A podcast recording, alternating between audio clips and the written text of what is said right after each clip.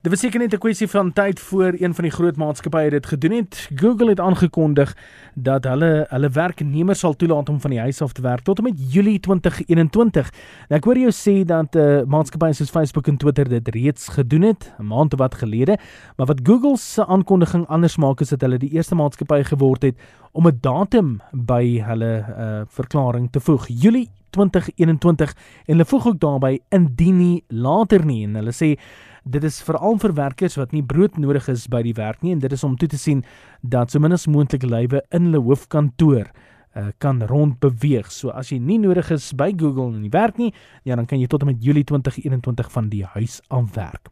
Baie mense het dit al gesê en baie mense het dit al ervaar. Apple se uh, baie gewilde MacBook reeks, dit is nou die Air en die Pro,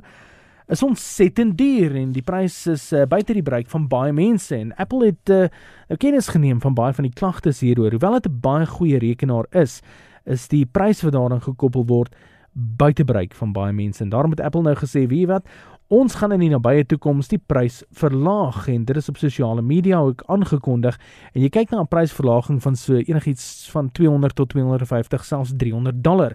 Jy kyk nou byvoorbeeld die MacBook Air wat so om en by 1100 dollar kos, uh, die sal voorts 800 dollar kos en die MacBook Pro, die 13 uh, duim rekenaar is ook so om en by 1100 dollar en uh, selfs die van 800 dollar af afhangend natuurlik wat jy binne in hierdie rekenaar vat. Dit word ook beskou deur baie kenners as die eerste stap van Apple om hulle produkte dalk 'n bietjie meer bekostigbaar en binne bereik vir mense te maak, veral na die finansiële implikasies wat COVID-19 teweeggebring het. Ek sê teen Lyric vir RSG.